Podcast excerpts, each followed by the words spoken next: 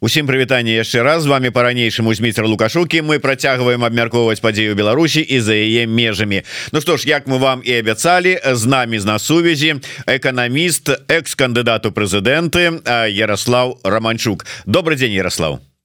Смітер прывітанне прывітанне сабры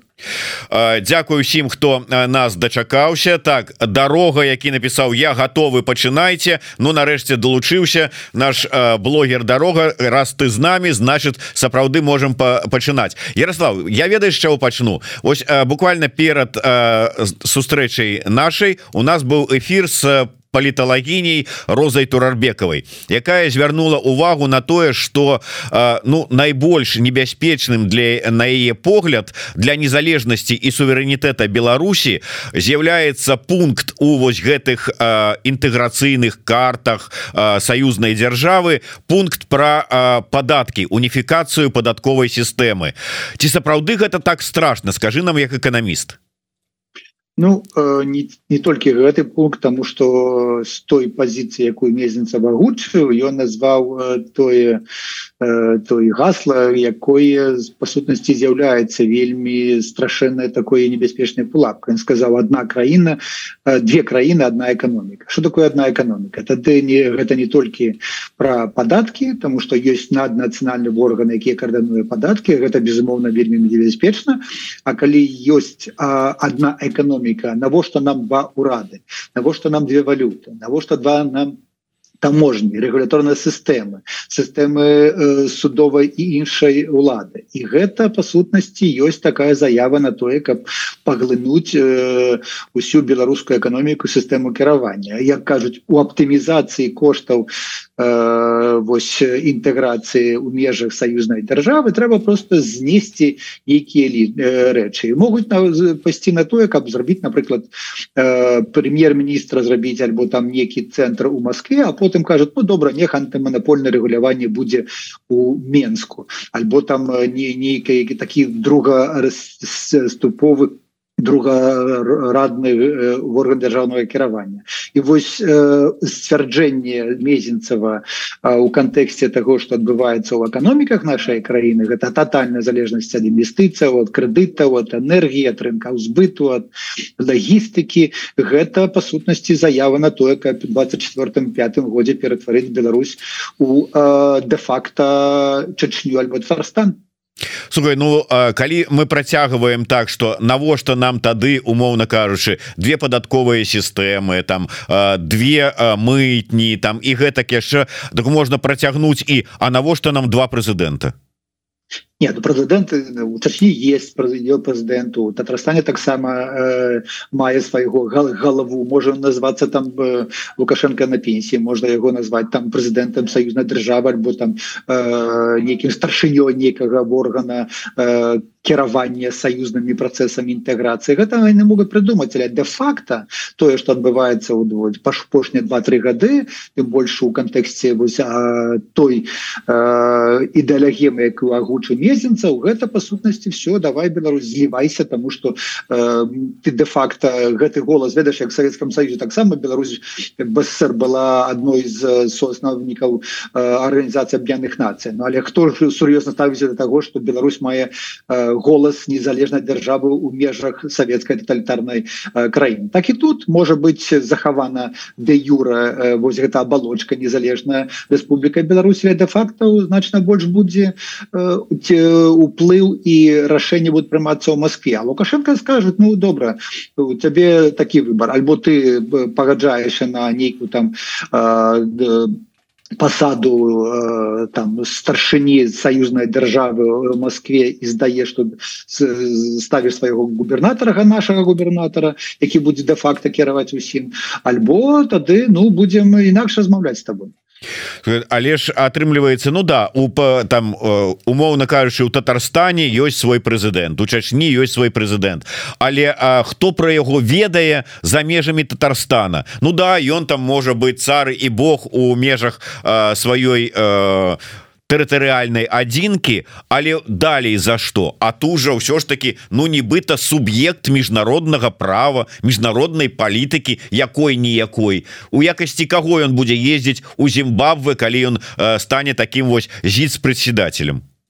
А тут пытанне якое? Альбо ты прымаешь такія варункі тады ты вось ну як у межах того что маеш так? Ты ты, ты так там думаешь у патратальной гвінеі там будуць ставіць бачыць розніцу паміж тым что гэта альбо Татарстан альбо Беларусь. Там для них прэзідэнт і прэзідэнт. Ну вось і все там з Россией повязаны грошы маеш там купляешь нейкую там выспу для сябе на пенсію. А тут пытанне я думаю іншым. Пытанне у тым что лукашенко стары ён хоча стварыць нейкія варункі пера э, перадаць тыя назапашаныя ресурсы капіталы сваім дзецям і внукам каб для них была некая э, гваранцыйны фонд. І памятаеш калі э, ельцин перадаваў э, паўнамоцтва па сутнасці Пуціну Путін даваў гаранцыі што ён не чапаць будзе ельцінскі бізнес ён не чапаў бізнес. Так что лукашенко таксама можа спакусіцца на тое каб перадаць контроль над Беларусі за за гаранцыі того что яго не будуць чапаць. Яго не яго фізычна а яго э, бізнес яго дзяцей э, зао сям'я так званая. Э, так а э, по прынцып аліева что вот не немагчыма па спрацы пабудаваць у Беларусі Ну э, Алиев гэта было незалежная держава А тут Россия ну не, не адмовілася от того каб э, э зрабіць контроль над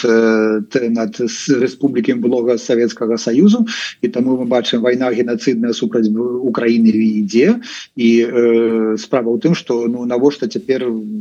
Путину э, паглынаць беларускі якая яшчэ не готова до гэтага ён будзе іншымі спосабамі мягкай сілай гэта рабіць як рабіў там 20 23 годзе глядзі колькі інвестыцыйных праектаў колькі вось таких э, ініцыятываў з гарманізацыі падаткаў бачым что вось лукашенко колькі 20 гадоў трымаўся у межах сваёй акцызнай палітыкі на тытунёвыя выборы вырабы. А цяпер зламаўся і бачым повышение ценаў на тытынёвыя выборы ў Беларусі 23 годзе на 63сотки это менавіта за того что лукашенко прымушаюць до того каб повышать падаткі і гарманізаваць іх менавіта з расійскімі Э,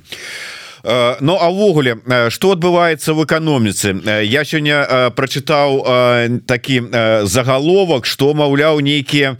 не вельмі добрыя перспектывы у долараў. Что ізноўку нешта там пачынаюцца с курсамі нейкія ваганні рост падзення. Что адбываецца в эканоміцы вот на сёння я был на 100соткаў спокойны за долар ён быў будзе і я думаю яшчэ за дапаможа беларусам у розныя цяжкія часы. Справа да у рублях тому что мы паглядзім на тое что адбылося у грашовай палітыцы ў беларусі 23 годзе мы бачым павярчэнне э, на наяўных даляраў над рублёва не даляраў на 30 амаль 8соткаў павелічэнне шырокай грашовай масы на 20 амаль 5соткаў і гэта ў сітуацыі сітуацыі калі не мае попыту на беларускія товары толькі расійскі рубель сітуацыі калі павелічэнне крэдытавання э, на жыллё 63сотки павелічэнне крэдытавання на э, закупку по Э,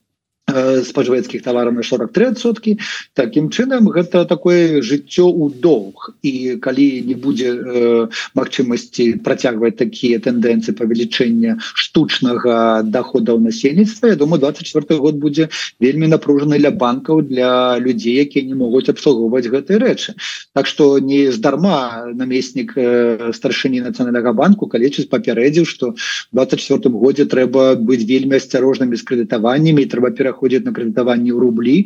э, так что напру напружанне ў сістэме будзе значна большим. І то, то, той свабоды маневра якое был 23 годзе 24 уже э, сапраўды не будзе так что альбо падатки будут павялічвацца альбо трэба лукашенко будзе павялічваць тарыфы а это ведаеце ну год палітычных кампаній не вельмі популярная мера Ну вот да я нават почытаў як это э, э, як это так сфармулявалі появились признаки нового курса доллара но вернее нового роста курса доллара. Ты заўважыў такие вот новые признаки вернее признаки роста но э, новые Ну глядзі калі напрыканцы 23 года было такое пытанне банкіраў э, потым пытанне э, там прадстаўнікоў бізнесу і не казалі што сярэдня сярэдні курс 23 четвертым годзе будзеце три з паловай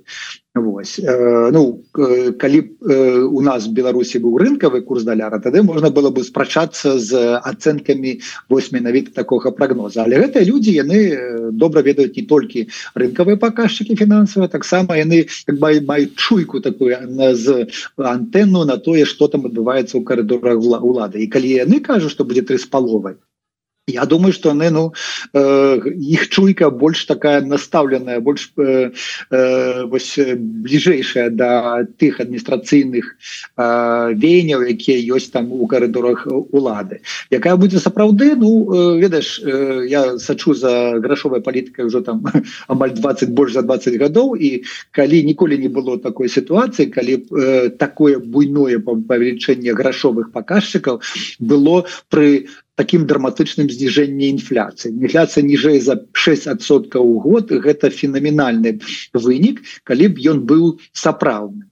Я яго катэгарычна его не веру тому что ну э, ведаеш э, не может быть такого это супярэчыць законам манітарнай палітыкі эканомікі. А які А які ён по твоих по твоих э, назіраннях ён павінен быў прынамсі 15-20соткаў быць э, і знову гэта калі я як палічым. Таму я катэгарычна не давяраю тым макроэканамічных паказчыкам э, якія да дае э, белстат э, Таму что гэта частка толькі праўда і меншая частка. Гэта ведаеш як, як я уже мы с тобой мяркоўвалі что у Беларусі няма не засталося паказчыкаў якім можна верыць якія былі бы в открытым доступе. Все гэта уже ведаеш под подкручам от подбе Белена але нацыянальны банк ён э,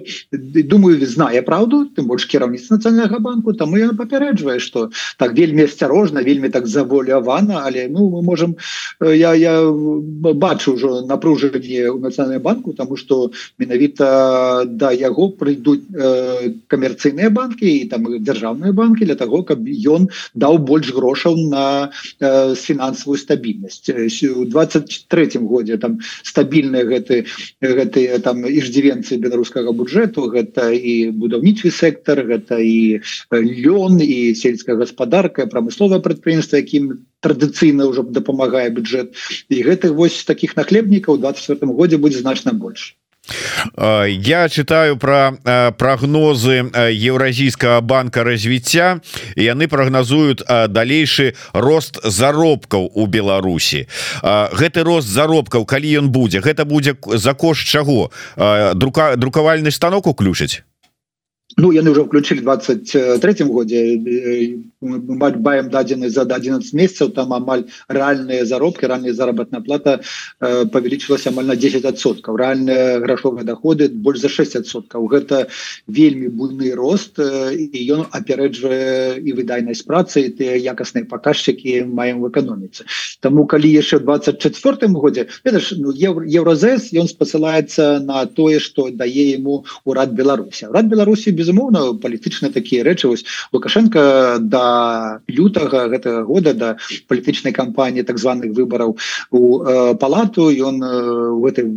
вось ён сказал ну все добра там і цены у нас такія стабільныя і заробкі выраслі і все добра таму тут ён забяспечыць сабе падтрымку свайго электарату там падтрымаў эканоміку цяжкія часы але на наступным вось цыкле на два на, на наступныя 12 месяцаў Я думаю что он будзе стымулировать стымуляваць той тыя сектары якія прасілі. Перш за ўсё жытло. Жыллё тому что у 23 годзе яно прасела. Тым больш прасела жыллё з дзяржаўнай падтрымкай на 25соткаў ён будзе падтрымліваць нейкія інвестыцыйныя проекты там дзе няма грошах расійскіх. Вось яны дапамаглі ему у 23 годзе недзе там на 10-13 адсоткаў в вупу А гэта вельмі э, шмат грошаў. Гэта можа там больш за 10 мільярдаў даляраў. Так что лукашенко мае рэзерв для того каб балансаваць менавіта праз грошы дзяржавы сваю палітычную падтрымку Ярослав я б хацеў вярнуцца яшчэ ўсё ж таки да того з чаго мы пачалі нашу размову про ну так паступовую страту незалежнасці суверэнітэту праз вот здачу ўсіх гэтых эканамічных чыннікаў. Скажи мне вот шмат размоваў про тое что калі режим зменится калі вот ўсё ж таки улада прыйдзе іншая то шмат ад чаго ну как бы тое что подписывалася лукашенком будзе пры прызнана несапраўдным. Але калі вось гэтая здача вось таким чынам праз подпісанне документаў праз саюзныя праграмы там про раз ну, я не ведаю продаж нейкіх там аб'ектаў гаспадаркі будзе адбудзецца ці атрымаецца і ці лёгкай ці магчыма увогуле потым сказаць не гэтага ўсяго не было мы гэта ўсё адмяняем гэта вот все нелегітымны урад і кіраўнік ўсё это подпісаў мы гэта не прымаем так працуе цяжка але думаю что нам трэба знайсці нейкую кропку з якой мы будем адлічваць нелегітымнасць беларускага режима я бы прапанаваў гэту кнопку з 90 кропку з 96 -го года з того так званого референдума памятаешь калі ён адбыўся ён меў быць рэкамендат рэкамендальны характар ён зусім па сутнасці зламаў усю тую баланс хрупкі якія быў. 26 годзе лукашенко разогнаў верховную раду 13 склікання прызначыў палату з депутатаў таким чынам гэта ну да працягам там 5 гадоў памятаю Совет Европы Басе не прызнавалі гэту палату толькі там другого альбо третье склікання уже прызналі тому что гэта быў конституцыйны крызіс. І сёння я думаю что просто найлепшым выходам было бы напрыклад прызнанне ўсіх актаў законодаўства які были подписаны лукашенко міжнародных дамоваў не легітымнымі незаконнымі і по сутнасці ануляваць их і таму трэба просто на подставе гэтага і гэта каб трэба рашэнне выраз вынес там не беларускі суд гэта одно некі міжнародны суд Лондоне у Парыжу там у стокгольму Вашингтоне гаагі газе і потым пасля гэтага просто размяркоўваць весці перамовы тому что ну няма сёння подставу для того каб прызнаваць гэтыя тым больш справы дамовы про продаж актыву беларускіх ж я одно одна справа калі там гаворка ідзе про продаж нейкай там нерухомасці нейкай гандлёвай сеткі там альбо нейкага там малога прадпрыемства другая справа калі заходзіць там напрыклад про продаж пакету акцыі беларускалі альбо беларускай чыгункі беларускай энергетычнай сістэмы і тут гэта ну уже не эканамічная бяспека гэта тыя рэчы якія трэба безумоўна нацыяналізаваць будзе і потым размаўляць з інвестарамі тымі альбо про кампенсацыю альбо про іншыя рэчы але я бы катэгарычна быў супраць того каб заставляць усе тыя справы якія былі так як подпісаў альбо продаў лукашенко. Тому что в гэтай сітуацыі гэта уже ведаеш як продажы з там рэвальверам пры пры пры віску гэта уже не добровольныя справы якія могуць быть разгляды і пры прызнаны. Тому что Беларусь акупаваная де-факто краіна Беларусь з'яўляецца часткай со агрэсай рэсі А гэта ну прававыя подставы для того каб не прызнаваць усе тыя справы якія мы маем сёння Э, так яшчэ пытанне ад наших гледачоў. Ну дакладней вот трэба дорога узгаданы пытается наколькі рэальная замена беларусаў якія з'язджаюць панаехаўшымі расейцамі? Альбо можем спадзявацца на тое что ўзровень расійскай дэмаграфіі не дазволіць масавую міграцыю панаехалых. Я процягну там вот саўмін жа ж выдаў новую там скажем сваю некую там праграму як там з міграцыйнае супрадзеянне вось гэтай вот міграцыі ад'езду прызнаюць уже ўсё ж таки на таким афіцыйным узроўні что некалькі сотен тысяч з'ехалі ёсць пытанне кажуць что там трэба каб приехали ў Беларусь. Як это там напишуць что там типа там нацыі блізкія по духовным і маральным каштоўнасцям да беларусаў і все ж таки вот ці магчыма такое хто захоча Ну я не ведаю там умоўно там китайцы не китайцы паўночна-карейцы там ці якія-нибудь узбеки вот хто ці магчыма такое что заменить дэмаграфічная крыза гэта не толькі беларуская з'ява гэта з'ява еўрапейскага саюзу і я бачу як ён робіць якія захады робілі таго каб людзі ехалі ў еўрапейскі звяз. І гэта і Амерыку так ваш Америка там іншая сітуацыя. Але там ну параўноўваем варункі якія ёсць у Беларусі з тым якія створаны там у краінах еўразвязу. Тут няма думаю нікога сумневу куды поедуць тыя вось самыя людзі так з іншых культур. там потому что Беларусь у параўнанні там с краінамі развязана вельмі неталерантная краіна до да тых э, культурно не блізкіх э, традыцыяў якія ёсць у нашай краіне тым больш люди і люди з тых районаў не толькі едут на заробкі а такое таксама на а, за нейкімі там а, там пособиями за падтрымкай за захалявая кажуць есть тому тут Беларусь не тая краіна где бы можна было бы ехаць э, массово людзей з іншымі культурамі памятаешь калі вось рабілі рабілі пар высокіх тэхналогіяў альбо э, рабілі там гэты вялікі камень кітайскі таксама было такое прапанова привесці сюды мільён кітайцаў якія бы прапрацавалі Ну і что? І не привезли нічога тому что ну гэта было бы чайна там такі другі па велічыне город Беларусі ты толькі з кітайцаў але кітайцаў ну, ведаеш там іх і так там э, шмат там полторы мільярды людзей Ну і чтобы там пару мільёнаў сюды Беларусь перакінуць зрабіць нейкі такое э, гнездо кітайцаў дэмаграфічная сітуацыя гэта вельмі магутны чыннік тым больш як мы бачым что сярэдні ўзрост насельніцтва Беларусі уже за 42 гады. Сярэдні ўзрост беларусаў у населі з 50 амаль 52 гады э, там э, няма уже кому нават моладзі амаль не засталося. І э, с той палітыкай цэнтралізацыі ўсяго насельніцтва вакол менскую что менск это там 30соткаў амаль усёй беларусі можна нават больш. Вось таму менская да кажу менскі там акрэснасці менску. Тут ну і расейцы якія едуць як яны приедуць сюды яны безумоўна будуць акупаваць перш за ўсё менск і менск будзе ставаць ставаць все больш больш на жаль расійскім под э, гэтым уплывам. Гэтыя люди не думаю что яны будуць такими заменами тых творчых беларусаў якія выязджаюць тому что беларусы ну гэта с э, плоці кажуць кроў з э, той культурнай там творчай э, сферы якая якія стваралі там э, менавіта інновацыйныя прадукты Беларусі. Замену яго няма тому что расейцаў якія вось аналагі яны працуюць у сваіх цэнтрах альбо з'язджаюць таксама там больш за 2-3 мільёны расейцаў таксама з'ехала яны з'ехалі не ў Беларусь тому что Беларусь таксама гэта не тое месца дзе ёсць свабода творчасці дзе есть можна нормально рабіць бізнесу дзе няма пераследу за свае погляды. Так что і Беларусь Россия гэта дэмаграфічная яма гэта тоталітарная дэмаграфічная ямы якую які я думаю яшчэ больше пагоршыць сітуацыю в контексте того что ведаеш там ужо паўмільёна расейцаў забіла забіты там выведены строю там. Апошняя дадзены про 23 год у России России минус там 600-700 тысяч насельніцтва Так что дэмаграфічная яма будзе пагаршацца Ну але і замены адэкватнай таму безумоўна няма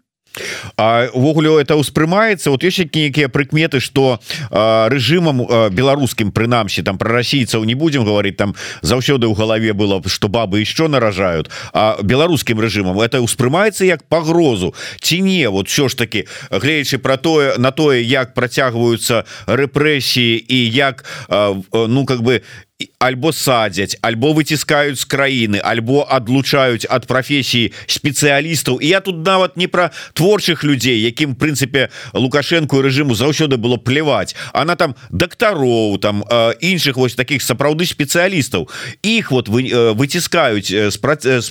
з прафесіі. І не, не ма ўспрыняцця что это как бы замены-то нема что это праблема я бачу что ідзе працэс дебеларусізацыі Беларусі. Гэта саветізацыя Беларусі гэта русіфікацыя Беларусі тому что ўсі тыя якія там прафесійныя групы які назаў гэта па сутнасці такая інтэлігенцыя. Яны тэхнакраты яны працуюць у сваёй краіне але ім ствараюць варункі дзе яны взагалі не могуць думаць дыхаць не могуць э, сабе як некім праяўляць у нейкіх іншых сферах. І э, замест вот, прызначэння міністра аховы здароўя гэта вельмі вельмі добры прыклад того что больш больш станов становіцца э, расейцаў альбо Русей з яркой арыентацыяй на Россию у ворона дзяржаўного кіравання. Яны для что них трэба просто выгнать тых людзей якія цэняць Беларусь. Нават калі яны там ходзяць под іншымі флагамі як яны нават там э, не удзельнічаюць нейкіх палітычных грамадскіх ініцыятывах. Але для них гэта вельмі важно каб іншыя былі без роду без племені. Те люди якія просто приехали праз 3-4 гады яны будуць межа беларускія пашпарты альбо нейкія саюзнай державы і все гэта спосаб паглынення. З яны расейцы забіваюць там украінцаў на тых тэрыторыях дзе яны там акупаваны вывозят дзяцей. Гэта русіфікацыя такая і геноцид а у Беларусь яны такую мягкую форму зрабілі взяли і на жаль лукашенко і ўрад вось ён нічога не робіць для того каб гэта запыніць глядач под нікам Оле Оле піша відаць наш глядач с Украины. По-украінску спрабаваць чытаць не буду не не каб не как говорить, не псаваць мову перакладу адразу на беларускую романчук кожны год гаворыць что эканоміка РБ і РФ вось-вось заваляцца але на жаль мало что змяняется что адбываецца дарэчы вось калі казаць про эканоміку России. Яны змаглі адаптавацца под войну перабудавацца на военные рэйкі і ці выцягне вот гэтая расійская эканоміка у сённяшнім стане беларускую эканоміку ж у сакавіку 22 году толькі два месяцы прайшло з моманту экспансіі там красавік я даў свой прогноз что расійская эканоміка 22 годзе упадзе толькі на 5соткаў Я думаю что гэта быў вельмі пессімістычна аказалася прогноз тому что 22 годзе я пасля пераліку расійская эканоміка только упала на менш на 2сотки і гэта сведчыць про тое что ну э, перш за ўсё мы пераацанілі за жорсткасць санкцый тому что мы казалі что там санкцыі памятаеш нават дачыненне до беларускага режима будут такія жорсткія як казаў байден санкцыі з ада. А як падалося гэта былі санкцыі ззада тому что яны ніяк не паплывалі на тыя схематозы якія выкарыстоўвалі беларускія і расійскія режимы схематознікі мафіознікі якія па сутнасці добра адаптаваліся да тых варункаў якія ёсць паднашлі свае іншыя партнёраў і Кітай Індыя і Турцыя Турція і Грузія і іншыя краіны ЕАС з якімі яны добра супрацоўнічалі. Нават еўрапейскі амерыканскі бізнес добра пастаўляў там запчасткі на вытворчасць дронаў ракетаў. І мы гэта бачым пра на тых ракетаў якія падаюць до нас на головы ў Кеве. Таму что я ніколі не казаў что беларускія і э, расійскія режимы завалятся тым больш калі мы паглядзім по абсалютнай лічбы расійская эканоміка это больш за 2 трыльёны даляраў эканоміка якая зарабіла на толькі на гандлю углеводородамі амаль там 600 мільярдаў даляраў эканоміка якая мае сёння ну па сутнасці за два гады яна не амаль не прасела і тыя грошы якія не выкарыстоўваць а выкарыстоўваць для того каб задобрыць купіць лаяльнасць насельніцтва а таксама вось загнаць грошы в военно-прамысловы комплекс які павінен рабіць там і танки і ракеты все все все так что гэта военная эканоміка якая існуе за кошт того что Россия працягвае гандляваць э, углеводородами газам так так кош металлами усім тым. І э, на жаль ніхто свету сапраўды гэтага не запыня беларускі рэжым які прысасаўся до расійскага якія такая вось ён безумоўна часткова атрымлівае бенефіты з таго что робіць Россия калі бы санкцыі былі жорсткія сапраўды і фінансавая энергетычная супра і фінансавая супраць России безумоўна беларускі расійскі режим паводзілі бы себе інакш. А поскольку яны такі здзек над так званым слабым западам захадам які замест того каб показать силу ён працягвае там марыць і думаць про тое что трэба на якія перамовы ісці. І мы бачым як гэта слабасць запада адбіваецца і на э, войне э, хамасу супраць Ізраілю і у становішчы ў чырвоным моры і ў Китае. Гэта одна з велізарных глобальных праблем слабасць і э, інфантылізм захаду якім карыстоўваюцца дыктатары якія де-факто стварылі ось зла атрымліваецца что что можа змяніць гэтую сітуацыю Ну вот няўжо разуменне нема альбо нема страху что на твою зямлю можа прыйсці ці не верыеш на твою зямлю можа прыйсці вось гэты абарваны расійскі солдат і невядома что учыніць вот что трэба змяніць няма разумення не толькі у беларуса беларусы ведаеш ну як мне кажуць люди якія жывуць беларусі альбо там нават у Росіі кажуць ну няма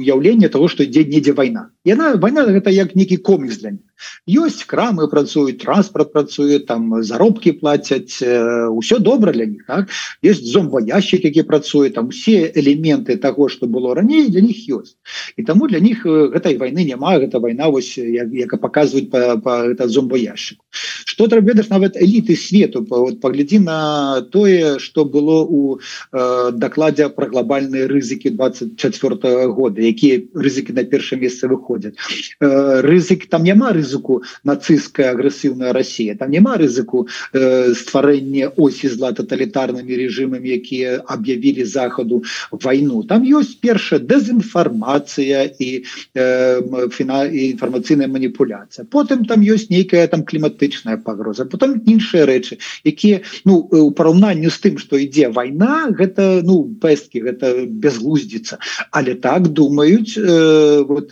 такі так званые інтэлектуальные бізнес эліты свету якія таксама потым фармаваць повестку дня. І гэта праблема тому что гэтым карыстаецца менавіта гэты рэжымы якія вось под э, карыста вось яны самі ствараюць гэтую дэзінфармацыю гэта інфармацыйныя потокі гэту хлусню. А потым людзі якія жывуць на захадзе кажуць ну для них там не, не, няма гэтай войны потым ведаш ствараюць яны блюзняць і на, на Украіну блюзняць А глядзі что цяпер вось у там фермеры супраць гэтай кліматычнай повесткі дня у Парыжы у нямметчыне у Нідерландах Вось А что творыцца что робіцца у Техасе і вось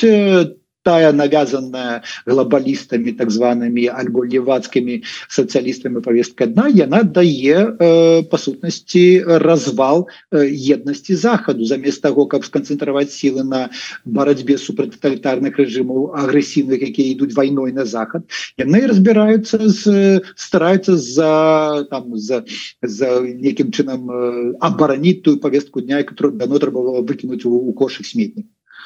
Ну ваш сітуацыя калі ну здавалася б сонечны дзень заробкі плоцяць плацяць кветкі там квітнеюць ўсё нормально і толькі дым з крыматор труб крыматорыя так. концлагера перашкаджае трошку вот насалоджвацца ўсім вот ну вот не вельмі добра А ўсім астатнім що добра Ну гэта заўсёды так было на жаль не ведаю як это змяніць Слухай але ну, Дмитрий вот, калі было гітлер і браў э, Парыж так альбо Францию таксама было Ну что там было барацьба была не не было барацьбы просто змяніліся шыльдачки появілася свастыка і все так что для шмат беларусаў де-факто акупацыя Беларусі расійскім тоталітарным нацистскім режимам прайшла вось не ну ёсць флаги так есть там месяцаў ёсць лукашенко нічого не змянілася А калі мы поглядзім на по насутнасць того что адбываецца там же давным-давно э, акупаваная тэрыторыя Ну разумеешь тут же ж ситуация такая. Неважно на каком языке э, поэтому и разумения нема таксама я да все-таки перабудовывать есть прыкметы того что и беларуская экономика потиху пера пачынае перабудоўываться на нейкіе вось это военные рейки. Я зараз про что? И про заяву галоўчанки про сумесную вытворчасць з расіянами самолетаў и про расследование белпола які кажа что амкадор нібыта там узяўся за вырабніцтва беспілотных ударных беспілотнікаў і гэтак далей. Я уже не кажу про тое что шмат прадпрыемстваў працуе на забеспячэнне расійскага войска. Ну пакуль что безумоўна там не танки будуюць робяць вырабляюць там не яшчэ штосьці але ўсё одно гэта азначае что ўсё ж таки на этой вайсковыя рэйкі і беларуская эканоміка перабудоўваецца Ну, беларуская экономика безумоўна з'яўляецца бенефіцарам той ВПК того той войны якую вядзе Россия я гэта выражаецца мы паглядзім напрыклад на до 23 -го года было скарачэнне інвестыцый в асноўны капітал у гэтым годзе мы бачым плюс амаль 15соткаў адкуль гэтыя грошы прыйшлі? Безумоўна гэта грошы якія прыйшлі э, на беларускія прадпрыемства праз гэтыя самыя інвестыцыйныя праграмы. Что яны робяць? Яны робяць вытворчасць менавіта для военно-прамысловага комплексу для того каб забяспечыць яго перш за ўсё усім. А гэта ведаеш там по розным ацэнкам амаль 35-40 адсоткаў расійскага бюджэту ідзе на вайну. А гэта не толькі там танки гэта шмат чаго і вырабы з металлу і з пластыку і лёгкая прамысловасць. Так что Беларусь беларускі режим безумоўна зарабляе на вайне. Ён гэтым карыстаецца. І э, ведаш чаму вось это медициныя программы калі яны пачынаюцца гэта одно гэта яшчэ там показ показчыкі ўзрастання і пазітыўнага ўплыву на, на ВВП А калі напрыклад Россия проиграе войну Вось і тады ўсё куды гэта будзе? І гэта будзе інвестыцыйны затык абсалютна такі магутны Вось і э, что Россия хоча вот менавіта яшчэ паспець у, у 24 годзе. Гэта тотальны контроль над беларускім ВПК які яшчэ ёсць. Гэта той же МЗКТ якую давно хотела бы взять не взяла гэта і перинг гэта ось тое что ператвараецца з амкадору і калі гэта правда гэта по сутнасці захоп нацыяналізацыя амкадору і ператварэнне яго в прамысловы такі вайсковы э, завод які будзе працаваць на войну. На жаль гэта знішчэнне того что было і по сутнасці ну э, шкада что беларускія прадпрыемствы нават той же мас тоже беды там э, трактор на завод яны будут працаваць не на тое каб рабіць товары на суседнага рынка будут працаваць толькі выключна на расійскі э, рынок і толькі на расійскі там берза перш за ўсё военные патрэбы гэта по сутнасці мілітарызацыя беларускай эканомікі гэта знішчэнне того патэнцыяла які бы напрацаваны нашай нашими вытворцамі апошнія 30 гадоў тому что ім кажуць альбо вы працуеце так альбо ніяк альбо ў турму так что тут же ведаеш мне вот вось тое что робяць там амкадоры гэта буйне наши прамыслова прадпрыемства нагадвае э, шлях нямецкіх э, прамыслоўцаў часоў гітлеру калі таксама ім казалі альбо вы працуеце так альбо ніяк Дарэчы калі ўжо на тое пайшло ты э, зараз жывеш у Киеве добра ведаеш што адбываецца с украінскай эканомікай. Яна пачала нарэшце перабудоўвацца на вайсковыя рэйкі? Ці яна працуе як і працавала раней а ўсё вайсковае захад дай нам мы тут стаім чакаем мы ж цябе баронім вот як што адбываецца? Не сыт не сольна рано я тут у працэсах э, таких складаных тому что украінская эканоміка таксама гэта Украіна было дзяржаўна алігархічная і калі там мы на пачаткам войны там было два-три месяцы добрага люравання вось гэты чыноўнічы номенклатурны клан яны спужаліся і зрабілі фарматы больш спрыяльныя для вытворчасці для эканомікі то цяпер мы бачым адбудову перафарматавання гэтых кланаў яны душаць рэгуляваннем так что вытворчасць будь-якой там зброі альбо прамысловых товараў ну амаль немагчыма. Тому украінскія прамыслоўцы кажуць нам лепш зрабіць гэта ў Польше у Румыніі у Балгарыі там усё лягчэй хутчэй танней і потым гандляваць гэтым з укра з пастаўляць Украіну. Няма тут бардак столь такі что ну на жаль констатуем что толькі вось калі люди робяць самі прыватныя кампаніі яны робяць лепшыя дроны лепшае там абсталяванне ўсё але на жаль бюрократыя так часто э, ламае іх планы что нават калі вось э, уяўляеш сабе старшыні асацыяцыю бізнесу дзяржаўных прадпрыемстваў э, напрамкі адкрыта звярнаўліся до прэзідэнта да прэм'ера каб э, э, там з, з, зменшыць ціскі адблякаваць работу прадпрыемства якія працуюць на фронт тому что яны э, маюць прыбытак вось тут прымлі такія рэчы напрыклад прадпрыемства якія рабою працуюць на фронт на ЗСУ павінны не мець прыбытку это таки марксістская такая норма. Ну як это может быть? Это не может быть такое. Таму тут ідзе барацьба і вось тут дайшло нават да так гаворка ж прошла про прадпрымальніцкі майдан тому что ну тыя захады падаткавай палітыцы у рэгуляторныя палітыцы якія прымаюць сённяшні украінскі ўрад гэта ну ні ў якія кажуць ворота не лезе. Это трэба змяняць кардынальна Ну і тут вось там днямі была створана рабочая група з прадпрымальнікамі з на, на прэзідэнт зеленскі стварыў каб зрабіць дыялёг бізнеса і улады. Я таксама ў гэтым працэсе удзельнічаю Так что ну робім усё каб гэты гэтага марксізму гэтага савка у белару украінскай эканомікі было менш Ну але без кардынальных зменаў тут нічога не будзе Так что гэта адна з прычын чаму мы э, да гэтай пары не маем дастаткова і дронаў і там патрона усяго того чым воюе ЗСУ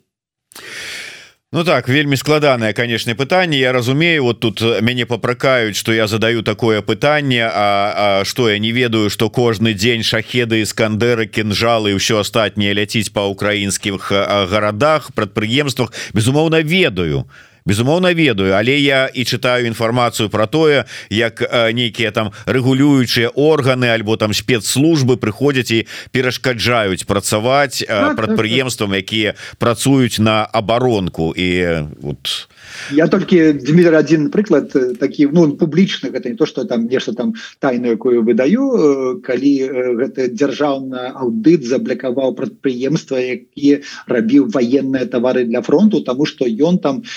працаваў там з нейкім там мінімальным прыбыткам. І вось уяляешь сабе прыходят нейкія аўдытары яны блякуюць прадпрыемства а потым э, і вось таких прыкладаў шмат. Э, таму вось ну рэгуляванне дзяржава сёння украінска гэта бюрократы яна з'яўляецца другім ворагам пасля расчыстаў гэта вось недавно я напісаў матэрыял про апытанне украінскага бізнесу яны там на першым месцы гэта безумоўна з пагроз Росія расійская вайна агрэсія на другім месцы там незначным адрывам там больш за 70% кажуць коррупцыя коррупцыя гэта тое что стварае безумоўна бюрократы номенклатура і ахоўна про ахоўныя гэтыя органы якія замест того каб просто ну там э, помогать прадпрымальнікам вытворцам яны их душаць і э, таму вось э, та, той давернага такі быў у краіне 22 годзе на пачатку войны яго сёння на жаль значна значна менш да любимой э, нашай тэмы не про курс про схематоз про схематоз і э, контрабанду. Что адбываецца у гэтай вот? Ці знайшлі нейкія новыя дзюркі нейкія магчымасці некія новыя заходы. Ці наадварот захад знайшоў новыя схемы магчымасці обрубіць вось гэтыя каналы а, такого шэрага заработку як для сям'і лукашэнкі і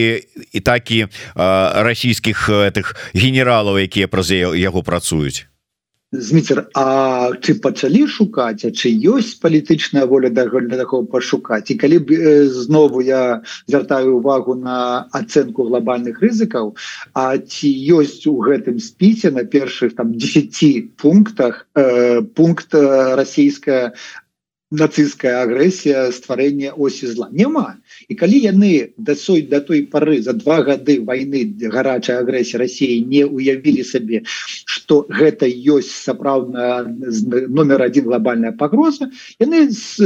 глядзяць на гэта скрозь пальцы. Байден на сваей хвалі еўрапейцы на сваей хвалі. Дай Бог каб яны в гэтым годзе пачалі больш-менш вытворчасць военных тавараў для Украины э, таксама рабіць э, справа ў тым что 30 гадоў дэтанту гэта разбраення прывялі до того что яны нават вот за два гады войны не могли зрабіць у сябе э, вытворчасць гэтых снарадаў гэтых дронаў ракетаў тому что як казала міністр обороны Германії мы думали что войны взагалі не будзе больше на у Европе Вось яны два гады выходзяць з гэтага ступару для того каб пачуваць працаваць. І да, да той пары не выйшлі. Таксама амерыканцы амерыканцы это мы казалі про імпатэнцыю слабасць захаду а э, нато ну я не ведаю что там размяркоўваць нато больше цікавіць может быть гендерный баланс у окопах а не тое калі як хутчэй разбіць нацыстскую Россию. Таму мы бачым что э, ёсць размовы ёсць там 13 14 пакет санкцый ёсць там нейкія там захады з іншых краінаў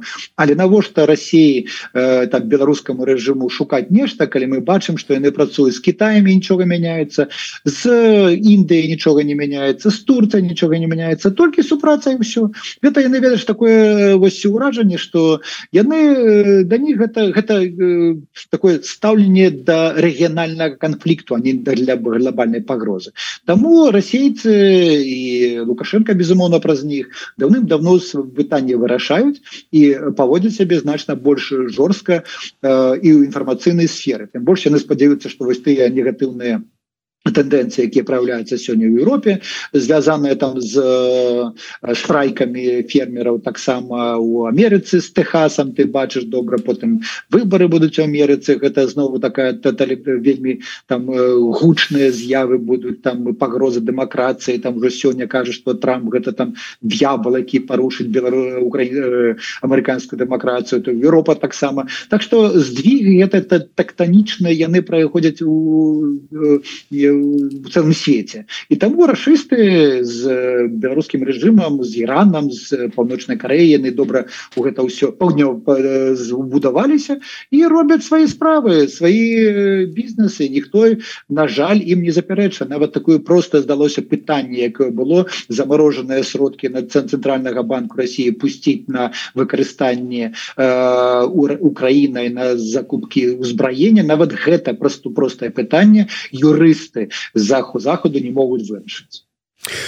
Ярослав мяне вот вельмі закранули твои словы про тое як ты узгадаў як а, была нацистская оккупацыя Парыжа а, і просто змянілі шыльдачки змянілі сцягі так. Ну все одно было відавочна вот змянілі шыльды повесілі свастыкі ўжо пачалі э, там у форме э, нямецкай армії там гестапа сд э, хадзіць людзі там чыноўнікі А вот э, у выпадку зараз сённяшнім днём з Беларусі вот як э, як ты прогнозуешь що ж таки э, калі вот это так стварэнне з двух эканомік адной і фактычна страта незалежнасці адбудзецца э, то ці будзе гэта неяк заўважна Ну вот э, чалавек які жыве там умоўна ў якім-нибудь мядзеле якім-нибудь чынам заўважыць что все в прынцыпе как бы незалежнасці няма. Ну яна ёсць можа быть 10 вот на ўзроўні Чечні але не больш за тое. Ці не вот як это будзе выяўляцца? А то можа как бы ну прачнуўся сёння. Ужо здаецца мы тут уже ў складзе там ну, они, они... этом Так, я в этом фильме было там чырвоныя прыйшлі потым белые прыйшлі потом чырвоныя прыйшлі спачатку будуць два фляги сцягі быў беларускі расійскі потым будзе нейкі расійскі бедаеш ну на жаль ты можешь вот адрозніць візуальна беларускага чыноўніка ад расійскага расійскі больш такі э, багаты больш прыдбаны больш можа інш по-іншаму размаўляю але візуальна гэта одно і то ж ты больше расейцы я не думаю что іх там цікавіць нейкі там мядзель буду кашылёў там э, нават там нейкі там валкавыск альбо нейкія маленькія там жабенка і для них важно 7 Э, вось мінскія э, усе абласныя гарады бабруйск там дзе нейкая прамыслова сеть там там дзе ёсць бізнес там той же мозер мазыр потым э, там что там яшчэ можа ліда можа быть іншая вытворчасці все для них там дзе інфраструктура яны там паставяць сваіх людзей больш таго я думаю что у беларускіх уладаў там і у гародні таксама і у бярэсці ёсць шмат расейцаў якія там вельмі агрэсыўна себя паводзяць яны будуць там стаўленнікамі і іх там сёння ўжо не гавораць там выступаюць як спадары гаспадары гэтай землі Так что на жаль я бачу что гэтая агрэсія будзе не праз одразу так раптоўна мы праснемся я бачым адразу все расійскія флаги але то что я на ідзе в гэта найкірунке гэта відавочна і там і расійскія паглядзі праграмы по стварэнні адзінага інфармацыйнага там контенту прасторы. Яна ідзе на разам з падаткамі разам з і з органам дзяржаўнага кіравання кіравання і я думаю ведаш нават як бы там не думали про галоўчынка але наступны прэм'ер-міністр можа быть э, чалавек які будзе значна бліжэй до таго же мезенцева. І мы побачым там можа могуць такой ведаш достануць з саюзнай дзяржавы того же з того же мясніковича скажет Ну глядзіце які добрый чалавек вось служит альбо такого же там іншы там людзей якія там столькі агентаў паглядзі на твары беларускіх міністраў чыноўнікам ну, там там можа 70соткаў тых якія ўжо служаць Росіі тому что яны і на ім больш платят. Ну так ось Паўлінка піша у службе одно окно у адміністрацыі два сцягі РБ і РФ. Яшчэ чаго чакаць Ну так а у кабінетах у губазікаўцаў портрет Путина вісіць а усе прапагандысты гавораць по-расейску як і чыноўнікі і у прынцыпе что вот якое адрозненне толькі что как бы пакуль лукашенко лічыцца кіраўніком нібыта незалежнай краіны лічыцца так ён сабе может лічыць что заўгодна але по факту мы бачым уже просто акупацыю Беларусі. Нельга адносіцца не ставіцца до Беларусі як да незалежнай краіны. Сёння для этого няма ніякіх подставаў тому трэба просто ну рашуча паводзіць сябе ў дачыненні да занятай акупаванай тэрыторыі. А лукашенко гэта чалавек які просто прадае нейкія с вось гэтыя сваю ладу якую незалежна незаконна ён захапіў для того каб забяспечыць забяспечыць добрабыт і богатство і жыццё сваей сям'і зао сям'я Вось так выглядае сёння Праўда а чыноўнікі які ведаш ну ты там полторы два тысячи выгода атрымальнікаў бенефіцараў гэтага рэжыму для них э, гэта тэрыторыя на якую яны пасуцца якую яны акупавалі это банда якая захапіла гэтую тэрыторыю і косіць як кажуць бабло. Потым яны это бабло вывозят там у Китаю у нейкія арабскія краіны у офшоры там пераводзяць у гэтай біткоины Ну і потым спадзяюцца что калі вось яны заробяць дастаткова грошай яны будуць туда выязджаць і просто піць тэкілу і насалоджвацца гэтым жыццём на завершэнне хочу до тебе все ж таки як да человека які разумеется у палітыцы спытаться. Сёння з'явілася інфармацыя і мне дарэчы тут Ігор кізім подцвердзіў что ідзецца размова о прызначэнні у нас агучылі як спецпрадстаўніка Украины по Беларусі Ігор кажа что скорее всего спадар амбасадар вывучаюся кажа что хутчэй за ўсё гэта будзе посол по асобых даручэннях а что это означае вот для демократычных сілаў Беларусі для беларусаў для Беларусі можа для і для сённяшняй для Беларусі будучынь Ну, асноўнае что павінны калі будзе асоба яка будзе по гэтакім паручэнняў каардынацыя нейкіх э, э, дзеянняў беларус беларусаў за за межамі краіны по э, украінскаму пытанні гэта вельмі важно тому что сёння будучыня Беларусі наша свабода незалежнасць безумоўны вырашаецца выключна в Украіне. І падтрымка Украіны падтрымка ЗСУ мобілізацыя э, вось думкі еўрапейцаў тым что трэба дапамагаць Украіне. Уяўленне беларусамі э, того что ёсць сапраўдная пагроза для беларусаў для існавання нашай краіны. Гэта вельмі важно Я думаю что э, стратэгічна калі мы вось больше будем э, там э, працаваць з, з украінскімі уладамі украінскім грамадскім супольнасць бізнесам это э, тое что нас по сутнасці потым зробіць партнерамі на будучыню. Тому что э, пасля того як пераможа Украіна ну вось гэта будзе гістарычнае акно магчымасці для того каб на раз на заўсёды адцягнуць Беларусь з вось з гэтага